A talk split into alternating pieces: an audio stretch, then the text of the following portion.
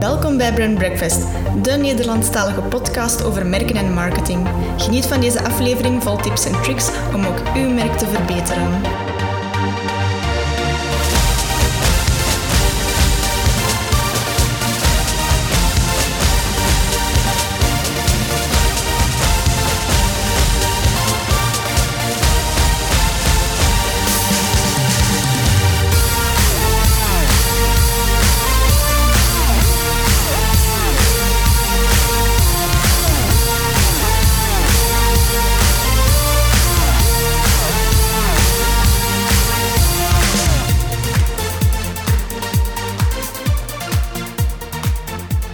Goedemorgen, beste luisteraar. Welkom bij episode 19 ondertussen van de, de Brand Breakfast podcast.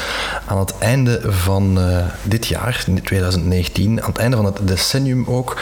En wat dat betreft hebben we een, een zeer gepaste gast uitgenodigd. Uh, Bert van Tilborg. Dag Bert, welkom. Dag Stef, goedemorgen. We hebben Bert gevraagd omdat hij trendwatcher is en zich verdiept in trends. En was daarvoor bijna 20 jaar lang managing director van een PR- en communicatiebureau, Global Image, hier in Antwerpen. Hij is ook docent trendwatching aan de Thomas More Hogeschool en eigenaar en trendwatcher bij Futureproofed Trend Watchers. Hij is keynote speaker, organiseert workshops over trends in verschillende sectoren en hij houdt dus bij gevolg altijd de vinger aan de pols van wat dan merken eigenlijk moeten doen om, uh, om helemaal mee te zijn. En we dachten zo aan het einde van de maand, einde van het jaar, einde van het decennium, dat is misschien het moment om het eens over trends te hebben. vandaar, uh, vandaar, welkom, uh, welkom Bert. Ja. Ik ga misschien meteen met de deur in huis vallen. Um, wat is eigenlijk het belang van trendwatching uh, voor bedrijven? Waarom moeten wij ons daarmee bezighouden? Waarom is het belangrijk dat we mee zijn allemaal? Ja, ik denk vooral bedrijven moeten innoveren en trends zijn daar een ongelooflijk goede tool voor. Mm. Um, het is zo dat Bedrijven moeten de dag van vandaag alles doen, moeten zich bezighouden om hun klanten tevreden te stellen, moeten hun leveranciers op tijd betalen, moeten businessplannen maken, mm. moeten een lange termijn visie hebben. Dus heel veel dingen eh, dagelijks, eh, waar ze dagelijks mee bezig zijn. En ze vergeten denk ik misschien twee belangrijke dingen. Dat is nog heel lang in de toekomst kijken. We noemen dat toekomstdenken, toekomstverkenningen maken, maar daar gaan we het vandaag misschien iets minder over hebben. Mm. Maar vooral ook met trends bezig zijn. Omdat trends, uh, in, naar mijn gevoel, en dan heeft het een beetje met de definitie te maken van wat dat trends zijn. Ja, misschien moeten we daar eens mee ja. beginnen. Hè? Wat dat is we eigenlijk een hele belangrijke. En ja. als je heel veel trendwatchers gaat, met heel veel trendwatchers gaat praten, dan gaat iedereen daar een eigen definitie aan geven. Okay. Um, maar mijn definitie gaat vooral over processen van verandering. Processen van verandering uh, in, onze, in ons gedrag, in onze consumentengedrag, in onze behoeften, in onze wensen, mm -hmm. uh, waarden en normen, die bij bepaalde groepen in de samenleving leven op verschillende manieren geïnterpreteerd kunnen worden en uh, die vooral gaan om ons leven te vergemakkelijken. Okay. En dat is heel belangrijk en dat dankzij innovatie. Dus die koppeling, trends en innovatie, is voor mij een heel belangrijke. Mm. En um, ik heb er ook een, een model voor ontwikkeld. Dat is een beetje gebaseerd op, op een Engels bestaand model voor groot stuk. Hè. Trendwatching.com is een, een, vrij groot internationaal geheel van, Mhm. mm -hmm. van uh, ja, zou ik zeggen, trendspotters wereldwijd. En ze hebben ook een, een model ontwikkeld. Dat noemt eigenlijk een, een, een, trend, uh, een, een trendmodel hè, op basis van trendanalyse en implementatie. Dat zijn ook twee hele belangrijke. Maar zij vergeten naar mijn gevoel twee belangrijke andere zaken. Dat is trendconversatie. Dat is eigenlijk de sector waar jij in zit en waar ik van kwam oorspronkelijk. Mm -hmm. Dat is het communiceren over trends. En nog een andere belangrijke, dat is namelijk het accelereren, wat dan te maken heeft met het, het combineren van slimme netwerken en innovatiemodellen. Okay. En als je die vier combineert, dan denk ik dat je een heel relevant model hebt, waarbij je als bedrijf of als merk, als product, als dienst echt het verschil kunt maken. Mm. Want het gaat eigenlijk terug op, op wat er uh, in de markt gebeurt. Hè. Als je gaat kijken over een heel jaar, en jij weet dat zelf ook als, uh, als brand evangelist en als mm -hmm. brand marketeer, weet je dat er heel veel nieuwe producten en merken en diensten ontstaan. Heel ja. veel. Ik ga er geen getal op kleven, want dat, dat is wisselend. De ene auteur zegt zoveel, de andere zegt zoveel. Mhm. Mm -hmm. Maar laat ons nu gewoon even voor het gemak nemen dat we er 100 hebben. Het zijn er veel meer uiteraard, maar dat we er 100 hebben, dan weten we dat er 90 binnen het jaar verdwenen zijn. Ja, en dat heeft voor mij te maken met het, het niet toepassen van als je dat kwadrant gaat bekijken, van op een of andere manier niet slagen in drie componenten. Dat is namelijk, ofwel heb je die, die analyse heel slecht gemaakt, Mhm. ofwel heb je lousy geïmplementeerd, ofwel heb je heel slecht gecommuniceerd. Als je de combinatie van de drie hebt, dan ga je zelfs geen jaar lang bestaan. Dan gaat het misschien zelfs op enkele maanden al over en out zijn. Mhm. Maar stel dat je die drie dingen doet en je overleeft, dan ben je een getolereerd merk. Dat wil zeggen dat een consument jouw producten wel gaat afnemen, jouw producten wel gaat kopen. Eh, misschien ook een klein beetje iets doorvertellen over jouw product, maar je wordt eigenlijk getolereerd. Je bent nog niet een, wat we zouden noemen, een love brand. Ja, een love liefdesmerk. brand, ja, hè? ja, ja. liefdesmerk. Daarvoor heb je ook die laatste component nodig. Dat is vo- voldoende blijven innoveren, voldoende blijven nieuwe dingen ontwikkelen, nieuwe producten, eigenlijk een extensions op je producten, vol, volop met die nieuwe producten bezig zijn. En ik heb dat ook vroeger ervaren vanuit mijn PR, PR-ervaring. En uiteraard ook het gebruik maken van die slimme netwerken om als het ware ambassadeurs van jouw merk te creëren. Wat Apple bijvoorbeeld schitterend doet. Hè? Apple en, en ja, Patagonia, je kent nog wel een aantal merken, Starbucks, je kent, je kent ze wel. Dat zijn echt merken die wij als consument, waar dat wij liefde voor tonen, die wij omarmen. En, en, en dat is het verschil tussen al die merken die ooit op de markt komen en die na een jaar verdwijnen en die dan eventueel kunnen uitgroeien tot een love brand. En daarvoor heb je die vier componenten nodig. Dus het is essentieel dat een bedrijf met trends bezig is. Wat niet wil zeggen dat er, hè, er bestaat ook zoiets als een trend en een antitrend. Hè, want het kan zijn dat de, de, de trend is nu vooral heel sterk op het ecologische verhaal inspelen. Ja, maar wie weet, ja. duurzaamheid. Wie weet komt er wel iemand die zegt, ja, maar die duurzaamheid, vergeet het maar. Ah, Ik zie dat voorlopig nog niet direct in, in wat ik zie en wat ik ervaar, maar dat kan misschien wel ooit komen. Iemand die het diametraal tegenovergestelde gaat doen en die ook wel een stuk markt gaat vinden, omdat hem net daarin uniek is. Ja, maar hem van dat rebelse net zijn purpose Ja, maakt dan. Ja, absoluut. Dus, dus, dus het is heel belangrijk. Maar je moet die trends toch wel indachtig zijn. Je moet die ongelooflijk goed gaan analyseren. en daar heb je echt tools voor nodig. Dus- En om een love brand te worden, moet je dus mee zijn met trends dan? Of, of moet je die in de gaten houden? Ja, en, absoluut. voor u staat of valt dat met de innovatie die je dan doorvoert in producten en diensten? Omdat trends net te maken hebben met processen van verandering. Daar verschilt een trend met bijvoorbeeld een hype of een rage. Eh, Hype en rage, ook dat is een moeilijke. hè, Mm. Want eh, ook de definitie ervan, voor mij valt dat, valt dat eigenlijk meer en meer. Vroeger heb ik die ook nog ooit gescheiden. Toen ik een jaar of vijf geleden met In mijn hoofd is dat tijdelijker. Dat is veel tijdelijker. Ja, en dat is veel vergankelijker, tijdelijker. een hype, En hè? is eigenlijk zelfs meer te sturen. Een, een trend kan je eigenlijk niet sturen, in, om de eenvoudige reden dat die op heel veel plekken in de wereld moet voorkomen. Dus je gaat niet een trend kunnen sturen Hmm, of een trend kunnen in beweging zetten. Dat zijn een aantal mensen die dat doen. Dat is niet één persoon Hmm. Een of soort één bedrijf. butterfly-effect van ergens gebeurt er wat en dat ja, gebeurt. En absoluut. Dan, eh, maar dat heb je bijvoorbeeld meer met rages. Een rage kan je ontwikkelen. Ik, ik geef een heel mooi voorbeeld. Ik heb in het verleden voor Hasbro gewerkt. En Hasbro is een van de grootste speelgoedfabrikanten. Hè. De grote concurrent van Mattel, Lego en Playmobil, om er maar een paar te noemen. Maar Hasbro heeft een aantal rages. En het bedrijf leefde op die rages. Hè. De Furbies was een geweldige rage. Eh, Eind jaren 90, begin jaren... allee, in de jaren 90. Mhm. Dan had je nog de Beyblades. Ik weet, ik heb ooit de Beyblades meegelanceerd vanuit een PR-standpunt. Ik weet nog toen wij het eerste persbericht stuurden, dat deed niks. Er was geen hond, geen, niemand in geïnteresseerd. En plots werd dat een ultraja op een, op een, of werd dat een rage op een, op een speelplaats. was daar geen tv-serie van ook? Van Daar die hebben ze dan de namen gemaakt. Hebben ze namen gemaakt. Dus eigenlijk ontstaat, want dat is dan het, het krachtige. Dus het bleef dan innoveren. Dus dat ze denk ik ook wel slim gedaan. Maar je kan niet zeggen dat Beyblade een trend is. Nee, het was een rage. En zo heb je er nog gekend hè, in onze jonge tijd. Wij, zijn, wij gaan ondertussen al wel enkele jaren mee. Misschien herinner je dat nog, maar de jaren, eind, of midden jaren tachtig was de Millet-rage. Iedereen jas, droeg een ja. Millet-jas. En dat was een ongelofelijke rage. En dat zijn dingen die je wel kan sturen als merk. Maar ook daar moet je wel gebruik maken van dat canvas. En kan je er ook gaan op inspelen. Maar dat is het grote verschil. Dus een trend kan je niet, niet gaan sturen. Terwijl een rage of een, of, een, eh, of, een, of, een, of een hype, dat is iets helemaal anders. Een, een hit, dat kan je meer gaan sturen. Ja, daar ligt wel een groot verschil. Zeg, en als dan trends zo belangrijk zijn om, om in de gaten te houden en om, om, om, om op te ageren als merk of als organisatie, ja, hoe begin je daar in godsnaam aan? Want ik neem aan dat je toch niet heel de dagen alles eh, kunt, kunt scannen van media en sociale media. Ja, dat is inderdaad wel een, een, een- vak apart voor een stuk, maar je kan dat wel leren. Dus ik weet, er zijn in ons land en ook in het buitenland ongelooflijk... Het aantal trendwatchers groeit. Hè. Ik bedoel, dat is ooit begonnen met Fate Popcorn en dan zitten we in de jaren tachtig. Ze heeft ooit cocooning als term gelanceerd, dat zal je ja. wel herinneren. Maar dat was ja, heel beperkt. En dat was een beetje, waar dat een beetje goeroes. En, en soms hadden ze het helemaal niet bij het rechte eind. En ze gingen kleuren voorspellen, wat ging eigenlijk allemaal nergens over. Er was ook geen methodologie. Maar in, doorheen de jaren is er wel methodologie ontwikkeld. En een trendwatcher is iemand die wel een stuk aan, aan... Ik zeg niet dat het wetenschappelijk is, helemaal niet. Maar het is wel iemand die grondig gaat research doen. En daar heeft hij verschillende tools voor. En je kan een stuk leren. Bijvoorbeeld, hoe ik uh, trends percipeer en wat ik doe in workshops. Ik geef mensen wat ik noem een inkijk in mijn keuken. Hè, wat, uh, zoals een kok zou je kunnen zeggen. Andere trendwatchers, dat zijn misschien ook de sterrenkoks. En je gaat er eten en je hebt een lekker gerecht, je hebt veel betaald. Ja. Je hebt een lekker gerecht gegeten, maar je gaat buiten en eigenlijk verteert dat. Mm. Terwijl ik u als het ware mee uh, in het kookboek laat kijken, mm -hmm. de recepten aanreik en bepaalde tools aanreik. Het betekent dan nog niet dat je allemaal een goede kok wordt. Mm. Maar ik geef u toch tenminste een stuk inzicht en op die manier denk ik dat ik de markt ook een stuk openbreek. Want we zitten hier in België in alle eerlijkheid nog in de beginfase. Okay. In Nederland uh, is al een veel meer mature markt. De VS zijn veel meer, Engeland zijn veel meer mature markten op vlak, op vlak van trendwatching. Wij zitten echt nog in de beginfase.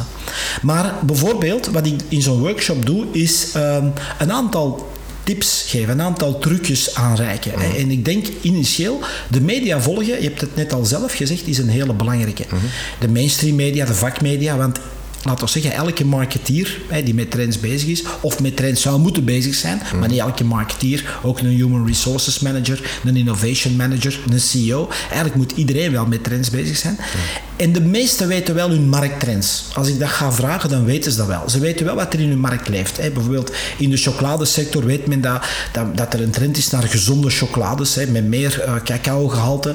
Dat er heel veel te doen is met kleuren de dag van vandaag. Ik denk ook aan de, aan de roze chocolade die Callebaut heeft uitgebracht. Ja, maar even, er zijn blauwe chocolades in Japan, er zijn zwarte chocolades in, in IJsland. God beter IJsland.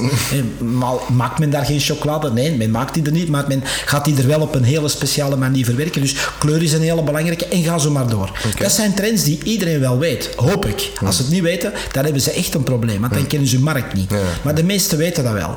De, de, dat zijn wat wij noemen de markttrends. Dan helemaal onderaan, dat is, dat is laten we zeggen de bovenkant van de piramide, mm -hmm. hè, want je drie lagen. De eerste, de bovenste laag zijn die markttrends die iedereen zou moeten kennen mm-hmm. en wel kent, denk ik. Dan heb je eigenlijk helemaal aan de onderkant wat wij noemen de maatschappelijke trends of drijvende krachten of societal trends of uh, megatrends. Hè, verschillende namen om hetzelfde te zeggen. Ja, zoals duurzaamheid bijvoorbeeld. Ja, duurzaamheid is daarin. Hè, dat is dan, maar dat heeft te maken met wat wij noemen een D-step model. Hè. Dat heeft te maken met demografie. Hè. Denk aan vergrijzing.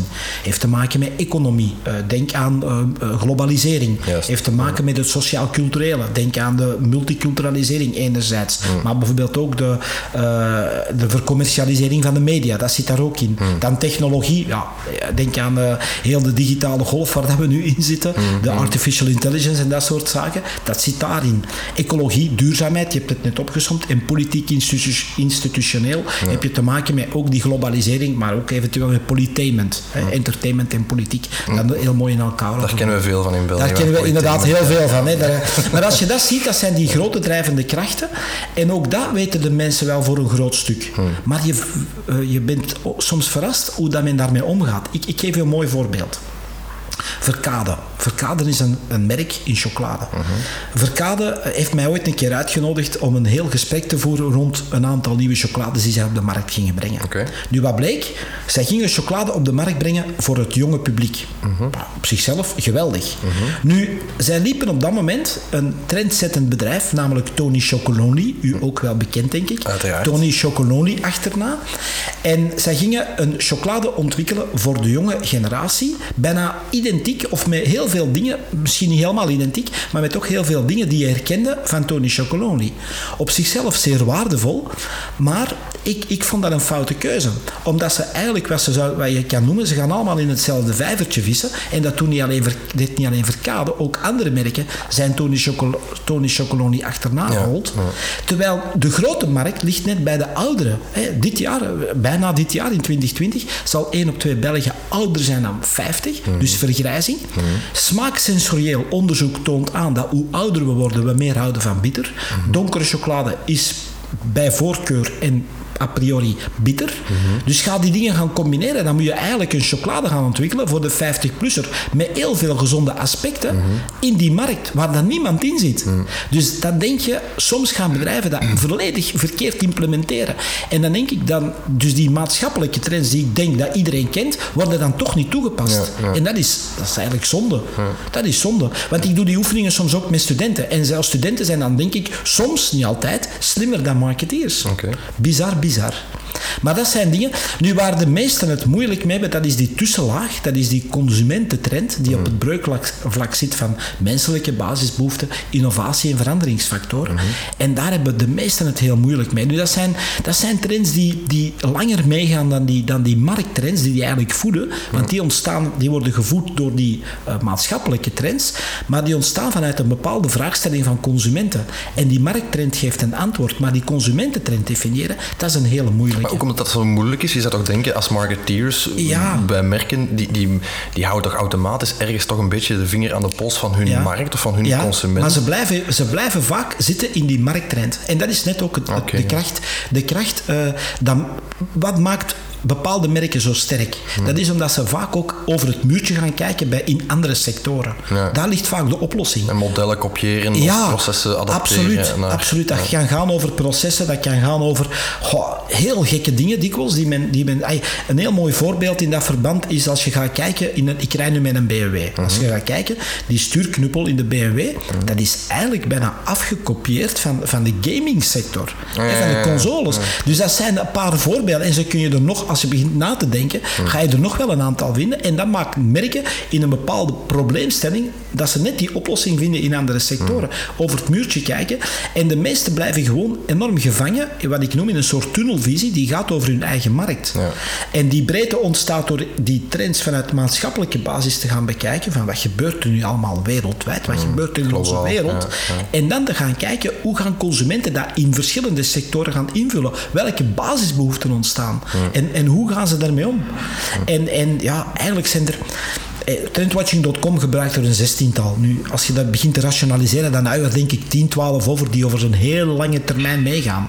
En dan denk ik een termijn van 5 tot 10 jaar. Een markttrend is ook veel korter, terwijl een maatschappelijke trend wat veel langer is. Ja, op langere termijn. Ja, lange termijn. ja. Ja. Maar het is dus heel belangrijk om net daarop te gaan inspelen. Dat is echt de kracht. En dat kunnen ook love brands veel, veel beter dan, eh, dan, dan andere merken. Je zegt het is belangrijk dat, dat, dat merken daarop inspelen. Hoe belangrijk is het om als merk ehm, elke trend die op uw pad komt te onderzoeken of, of te volgen zelfs? Eh, Zijn ze allemaal even relevant, Nee. eh, trends Nee. in de sector? Ik be- ik bedoel ermee, bestaat er ook niet het risico dat je een trend ziet passeren? Ik geef een voorbeeld waar wij veel tegenkomen, ook bij onze klanten, rond digitalisering bijvoorbeeld. Ja.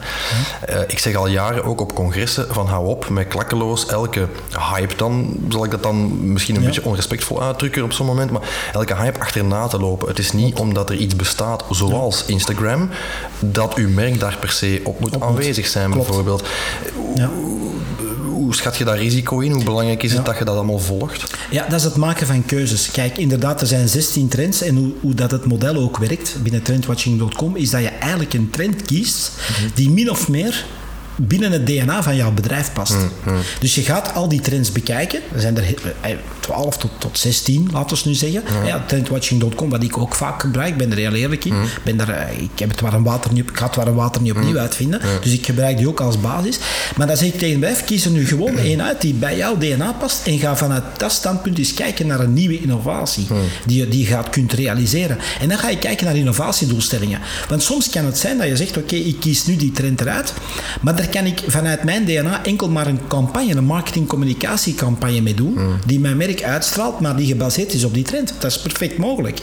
En dan hoef je niet een volledig nieuw product ontwikkelen. Juist, ja. Dat kan een volgende fase zijn. Dan zegt, oké, goed, wij gaan een nieuw product of een nieuwe, een, een nieuwe dienst ontwikkelen op basis van die trend. Perfect mogelijk.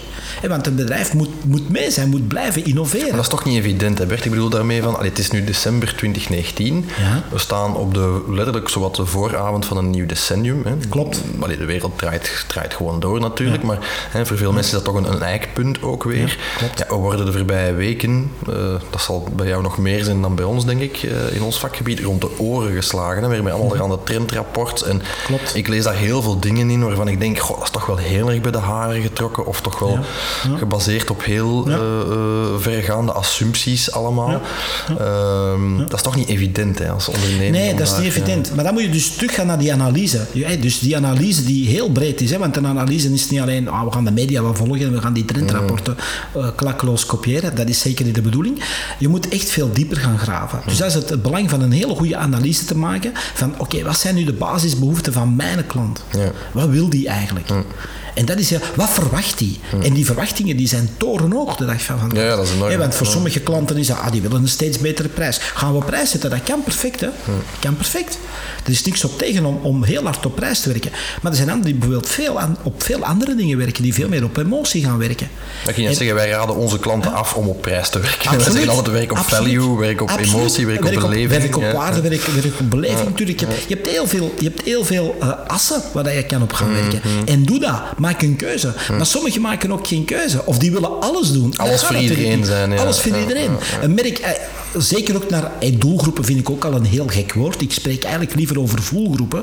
Want een doelgroep is zo eng. Mm, Een doelgroep is vaak van, ja, dat heeft dan te maken met die sociale klasse. Maar eigenlijk is dat zo eng. We hebben de dag van vandaag zoveel data over onze gebruikers.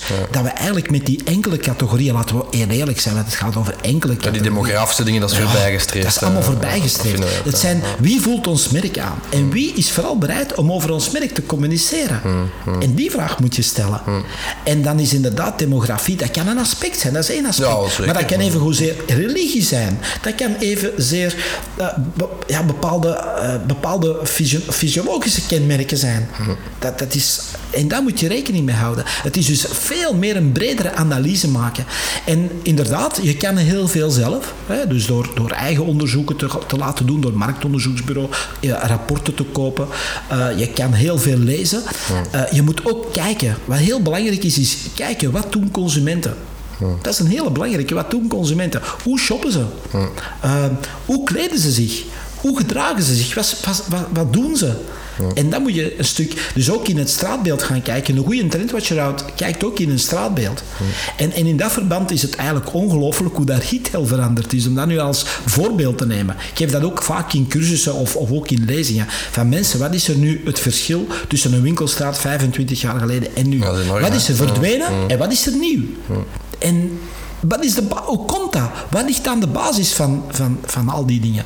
Wat ligt aan de basis? En dan kom je terug tot die grote maatschappelijke trends, maar ook die, die consumententrends. En dan zie je wat die markttrend als een antwoord geeft. Ja, dat is, alleen, ik, ik voer vaak het pleidooi voor small data. En dat is die term Ja. van, Ja, van Lindström. Ik geloof daar eh, enorm in. Hè. Dus, Absoluut. eh, in tijden van big data. Ik Absoluut. denk dat er niks waardevoller is. is En een wij doen dat ook. wij doen field visits bij klanten. Ja, wij gaan echt in, in, in wachtkamers zitten. Dat is heel belangrijk. om te zien Van hoe absoluut. gedragen mensen zich en welke, Absoluut. welke eh, Absoluut. motieven hebben ze om Ja. te interageren met een Klopt, merk. hè. heel belangrijk. Het is inderdaad de combinatie van die twee. Denk in de, en je mag, eh, het moet, moet, moet niet alleen small data zijn, hè, want dan maak je ook een fout, denk ik. Maar het is de fout die men maakt van alleen twee aparte werelden. Het is net die combinatie die het sterk maakt. Hè, die grote big data die je hebt om, om grotere gehelen te Ja, bekijken. tendensen te en zien, tenden- tendensen te zien. En dan te kijken, op, want daar kan ook die oplossing liggen. Ik denk eigenlijk Lego, je hebt het nu net genoemd, hè, small data. Dat wordt eigenlijk in het boek van Lindström heel Ja, mooi verwezen naar dat case. Lego-verhaal. En, en hij ging gewoon een, een, een kamer binnen van een jongetje van 11 of 12 in klopt, Duitsland. ja, En daar zag hij het, wat de oplossing was. En het heeft Lego geen windeieren Nee, gelegd. allerminst, nee. Dus, dus dat is inderdaad de combinatie die je moet maken, maar het is vooral kijken. En sommige mensen, eh, dat is hetzelfde hè, met praten. Sommige mensen eh, praten maar, maar zeggen eigenlijk niks. Hmm. En dat is hetzelfde met kijken. Sommige mensen kijken, maar zien niks. En ik denk, het is echt daar heel goed... goed, goed. Ik denk dat ze vaak ook een beetje met oogkleppen oplopen. Hè. Dat is het. Eh, Dat is je, het. je ziet dat vaak als consultant, dat, dat organisaties zo vastgerust zijn in een, in een vast denkpatroon en hun eigen agenda nastreven. En te weinig, dat dan de added value die, die mensen, als jij en ik dan denk ik spelen weer, van, dat wij dat van op een afstand bekijken. Zonder Mhm. Al die dogma's en zonder al die, ja maar dat moet, want dat is ooit zo beslist. Ja, of zo.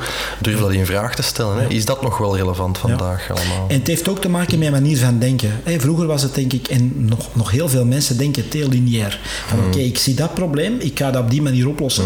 Terwijl de oplossing net is eigenlijk veel meer een, een, ja, een, een structureel denken, een systeemdenken. En daar moet je ook mee gaan kijken. De oplossing kan in heel veel facetten zitten. Onze samenleving is ook zo complex geworden dat we dat wel moeten doen. We kunnen niet meer een oplossing bedenken die, die alles gaat afdekken. Dat is onmogelijk. Je moet echt gaan systeemdenken en een, een set van oplossingen aanbieden. En, dat is, en daarvoor zijn trends denk ik ongelooflijk belangrijk. Maar ik denk inderdaad ook dat dat een beetje de onderliggende boodschap is van wat je net vertelt. Hè, van, van hou op met inderdaad, van misschien ja, een trendrapport is interessant om een tendens aan te geven als, als, als research tool. Ehm, maar ja, volg niet klakkeloos wat daar dan in staat, maar, maar het gaat over uh, systeemdenken installeren. Hè, een, een soort van mentaliteitswijziging. Van, uh, probeer daarvoor open te staan en, en uh, de oogkleppen af te werpen hè, en te zien wat er gebeurt om, rondom je mm. en daarop te, te ageren. Ja, absoluut. Zeg, um, ik zeg er net voor, we zijn het eind van het jaar, het eind van het decennium. Ik ga er nog eens op terugkomen. Hè. Alle, alle trendslijstjes en alle, alle dingen. Als ik dat nu aan u uh, zou moeten vragen als trendwatcher, wat zijn voor u van de laatste tien jaar, of misschien korter of langer qua periode, wat zijn voor u de meest markante evoluties waarvan je denkt van ja, oké, daar kan je niet meer omheen, dat kunnen we niet meer wegdenken, dat gaat ook niet meer weg? Ja, ik denk dat we vooral natuurlijk technologisch een ongelooflijke uh, beweging gemaakt hebben. als je gaat kijken, um, ik kom ook nog een stuk uit het analoge tijdperk. Mm we zitten nu volop in dat digitale en dat, dat schuift steeds maar door. Vooral ook een technologie die we steeds minder zien. Mm. ik denk heel dat artificiële intelligentieverhaal is een technologie die we eigenlijk niet, niet mhm. zien, niet voelen. En ook niet meer begrijpen. En niet meer begrijpen. Maar we zien wel de oplossingen ervan. En die verrassen nog vaak heel veel mensen. Mhm. Dus dat is iets wat ik, uh, en waar ik denk dat de versnelling ongelooflijk in gaat. Dus we zien de maatschappij steeds meer daarin versnellen. Dus die technologische beweging is een ongelooflijke Waar dat ik denk dat we het einde nog niet gezien hebben, waar dat we echt heel veel dingen gaan kunnen realiseren. Uh, dus dat is zeker een hele belangrijke. Uiteraard ook het duurzaamheidsverhaal. Mhm. We zitten ook met die wereld. Dan moeten we gewoon kijken naar demografie. We zitten met heel veel mensen op deze planeet. een beetje te veel zelfs. Veel te veel, eigenlijk veel te veel. Als we gaan kijken naar de Earth Overshoot Day, dat is de, mhm. dag waarop uh, we eigenlijk heel de aarde qua grondstoffen hebben opgesoupeerd. Ja, die valt uh, ongelooflijk ergens begin augustus, als ik, mhm. me, als ik me goed herinner. dus uh, afgelopen jaar was dat begin augustus. Ik denk dat dat volgend jaar zal dat waarschijnlijk eind juli zijn. Dus dat gaat steeds sneller. Dus dat is iets waar we echt wel rekening mee moeten houden. Dus die duurzaamheid van een planeet. Ook vooral omdat we daar een heritage te, te delen hebben met de kinderen en onze kleinkinderen. Mm. Dus dat is wel een hele belangrijke. Maar ook daar denk ik dat de koppeling met technologie een hele belangrijke gaat zijn. Ik ben een ongelofelijke vooruitgangsoptimist. Uh, dat is een beetje gegroeid vanuit mijn background als historicus. Ik was een, uh, vanuit, vanuit mijn studies uh, daar helemaal in, op, op in, in neergedaald. Of Dankzij Maarten Boudry ben ik dat recent ook geworden trouwens. Ja. Maar ik ben een ongelooflijk ongelooflijke vooruitgangsoptimist. Dus ik denk dat wij met technologie heel veel kunnen bereiken. Mm. En ik denk dat daar ook een sleutel ligt. Het heeft ook te maken met een stuk aanpassing op menselijk gedrag. Mm. Maar ik geloof niet dat. er zijn nu, we spreken nu, als we gaan, dat zit ook in mijn trends voor 2020, de cultuur van schaamte, de culture of shame. Waar dat we zeggen: oké, er bestaat vliegschaamte, er bestaat, uh, er bestaat eco-shame, allerlei mm. vormen van schaamte, blootschaamte. Het gaat echt heel ver. We zitten eigenlijk niet meer in een schuldcultuur, maar in een schaamtecultuur. Dus dat is de grote, de grote evolutie voor, voor 2020. Maar ook daar uh, denk ik dat we vooral de technologie gaan nodig hebben om, om dat op te lossen. Want we, kunnen, we zullen ons gedrag een stuk moeten aanpassen, want daar kwam ik eigenlijk toe. Dus we gaan ons gedrag een stuk moeten aanpassen. Maar om te gaan zeggen, ja, we gaan nooit meer vliegen. Ik denk dat de jeugd dat gaan niet wil, die gaan dat niet willen. Die gaan dat misschien wel prediken, maar onder, in de, onder long, uh, op de lange termijn, op de, lange termijn gaan ze dat wel doen. Ze Zelfs meer, denk ik nog. Ja, natuurlijk. Dus we kunnen dat ook niet. We kunnen niet terug naar, laten we zeggen, de middeleeuwen. Dat gaan we niet doen. Dat, want dat, dat is ook diametraal bij dat trends zijn. Trends hebben te maken met vooruitgang, te maken met innovatie. Dus innovaties moeten het doen, maar we zitten wel, moeten we eerlijk in zijn, met een cultuur die, die momenteel al dat soort dingen ongelooflijk ter discussie stelt. En nu bijna met een schaamtegevoel gaat opstellen. Tot in het absurde, eerlijk Tot in het absurde. En dat is denk ik, daar gaat ook weer een reactie op komen. dat, dat gaan we misschien volgend jaar, we gaan dat nog twee jaar hebben, en dan komt daar ook weer een reactie op. Want mensen willen dat echt niet. Dus we moeten innoveren, we moeten dat probleem oplossen.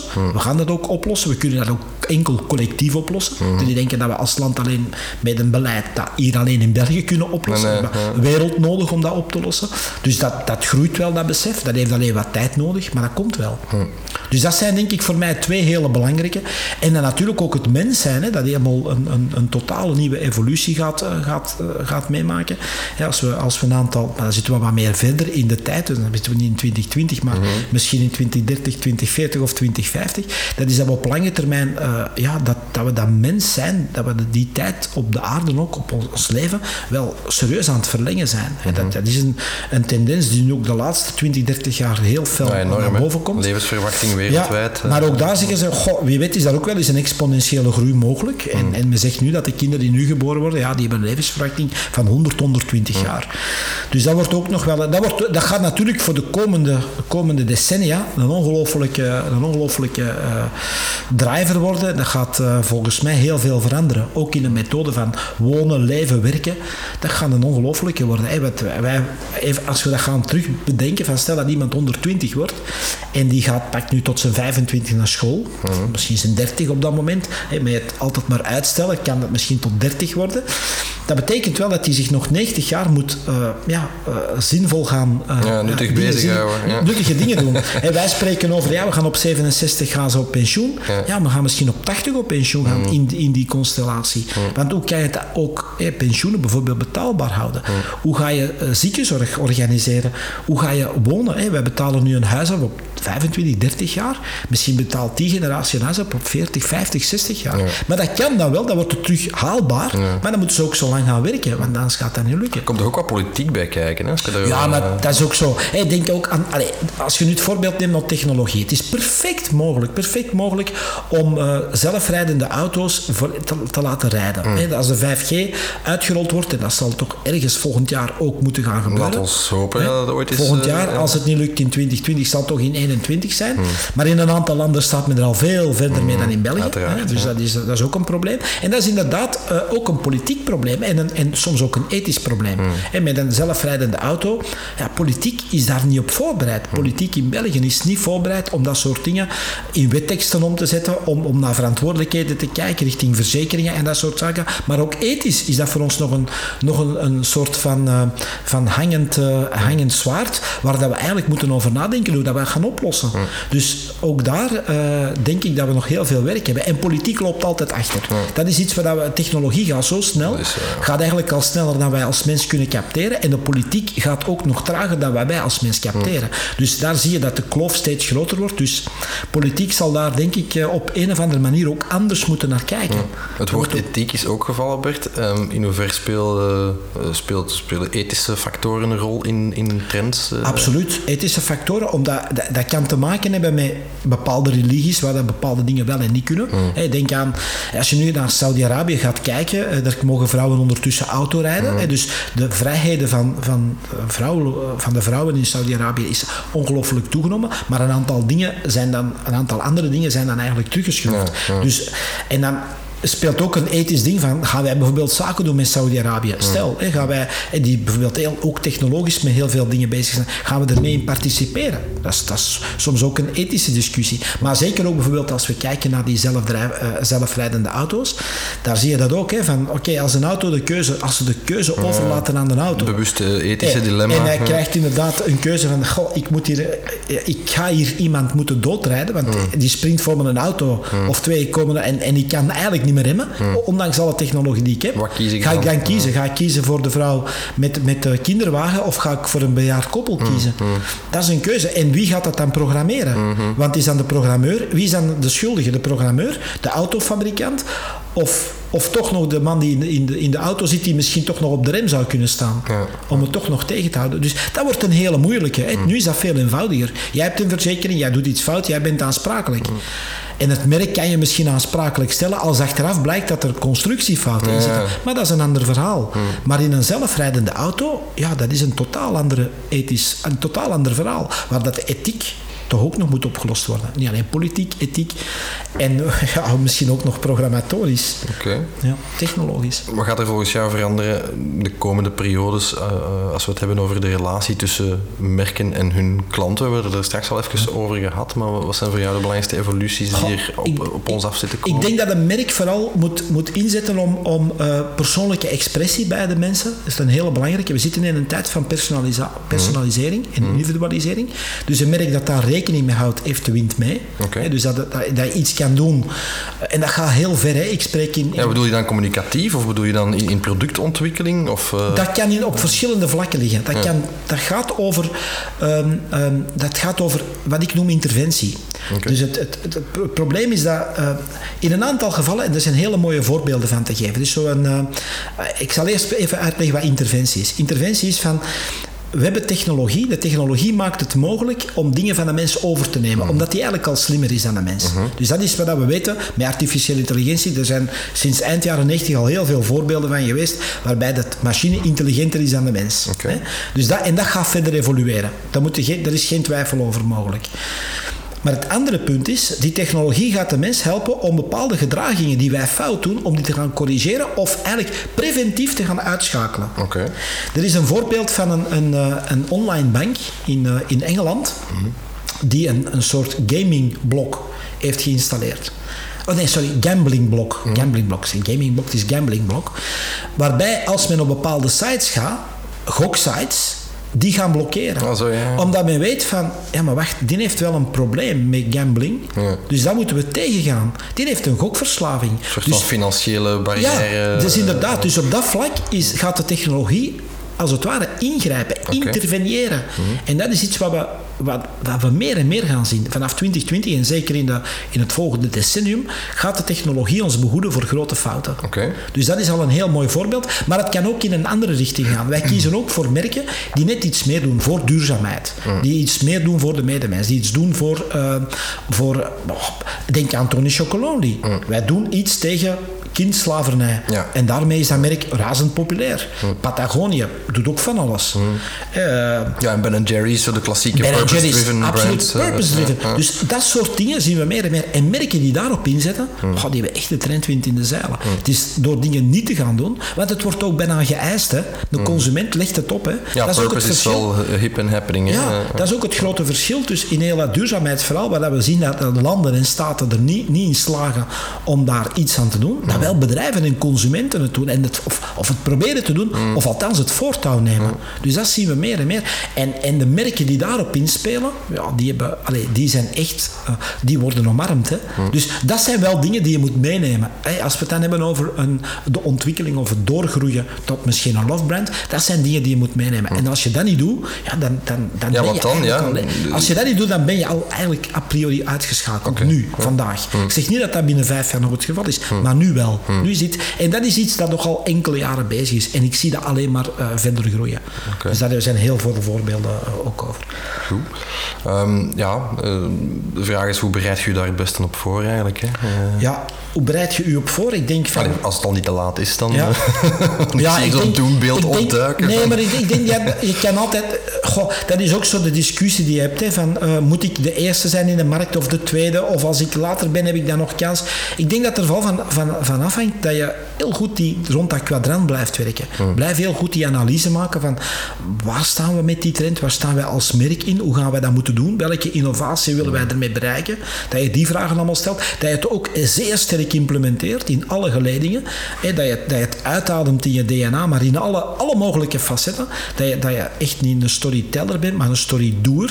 Hè, en, en, en, en dat je het ook bewijst, hè, storyproving. Zeggen zij, vroeger was het storytelling, storyproving, eh storydoing, storyproving is het nu. Dus dat je dat ook wel heel duidelijk bewijst. Dat je het dan ook heel goed communiceert op alle mogelijke vlakken. En Daarvoor kunnen ze jullie in- inhuren als brand. eh, Onder andere, eh, onder andere. Dat je dat heel goed communiceert. PR-bureaus, eh, ook eh, andere vormen van communicatie. En je moet dat heel goed communiceren. Dat zoveel mogelijk mensen dat weten. Dat je ook een netwerk voor jou kan, kan winnen. En dat je daarop blijft innoveren. Op een consequente manier. En dan kan je daar heel veel mee bereiken, denk ik. En dan, eh, dan denk ik dat je, dat je wel al een heel eind komt. Oké, super. Eh ter afronding misschien, Bert. ehm, eind 2020, als alles goed is. Ik voorspel een trend, namelijk Ja. de, de mensen gaan massaal naar de winkel lopen voor jouw boek. Dat Ja, dan- dat, is mijn, dat wordt mijn eerste. Hè. Dat, is, eh, goh, dat, is ook, dat is ook al een aantal jaren dat men die vraag stelt. Hè. Ik geef ook wel wat lezingen in binnen- en buitenland. En dan zegt men, ja, je hebt toch eigenlijk wel heel waardevolle ideeën. Zo gaat je gaat toch ook al dat. enkele jaren mee in de markt. Hè, dat is toch ook al eh, heel veel ervaring vanuit marketing. Vooral dan PR. Hè. Mm. PR en communicatie was mijn grote, mijn grote troef. Of mijn grote eh, USP zouden we dat kunnen noemen. Dan ben ik trendwatching gaan doen en dan dacht ik van ja, ik ben al heel veel bezig geweest met trends in al die jaren. Hè, dus ja, dat was eigenlijk wel een leuke om dat te constateren. En nu is altijd dat, dat moment gekomen dat ik daarmee bezig ben. Het gaat eigenlijk inderdaad over een stuk dat model met heel veel toepassingen, over dingen die ik heb gezien, waar ik daar aan de basis heb gestaan, uh, of toch mee aan de basis heb mogen staan, ik zal het zo zeggen, van een aantal merken en bedrijven waar ik voor gewerkt heb. Ook een aantal voorbeelden uit het buitenland die ik dan heb kunnen observeren. Literatuuronderzoek gaat eraan vooraf, maar ja, het boek moet uitkomen en het is nog wel een plezante, want mijn mama is een voorbeeld van vergrijzing. Zij wordt 93 en het idee is om het boek uit te brengen op haar verjaardag. Dat is 18 oktober uh, 2020. Zou die in de winkel moeten liggen of alleszins in avant-première moeten gepresenteerd worden. Dus ik heb nog wel wat werk te doen. Het is, het is nu eind december, maar ja, de tijd vliegt. Hè. En je hebt vaak zoveel dingen te doen dat het, uh, dat het wel belangrijk is om daar even de tijd voor te nemen. Maar dat hoef ik jou natuurlijk niet te vertellen. Nee, uh, mijn boekdeadline uh, verstrijkt binnen enkele dagen ja. ja. voor mijn vierde. Dus dat is inderdaad ja. gelijkaardig. Nodig mij zeker uit voor u. Ga ik absoluut doen. ik ben altijd geïnteresseerd in, in wat, wat er in de wereld gebeurt. En, voilà. Dus, ja. ik zit ook wel trends. Het zijn zeven hacks. Ja? Uh, okay.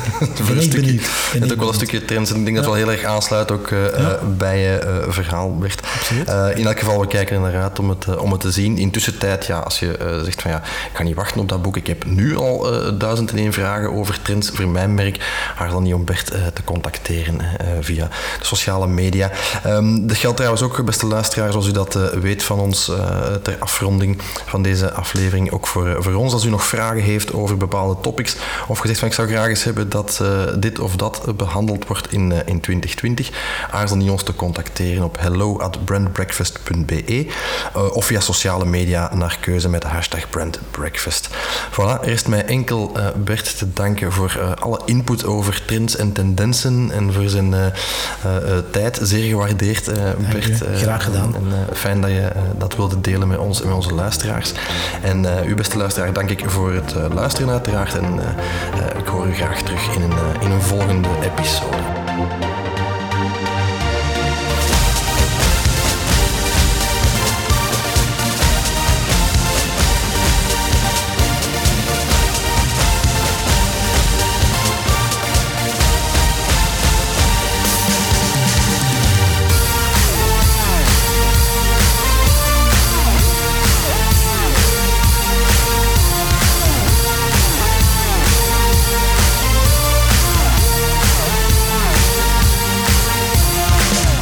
Brand Breakfast voor deze aflevering. Dank voor het luisteren. Vragen over uw eigen merk? Surf naar pavlov.be en start vandaag nog met het optimaliseren van uw merkstrategie, merkidentiteit of merkbeleving.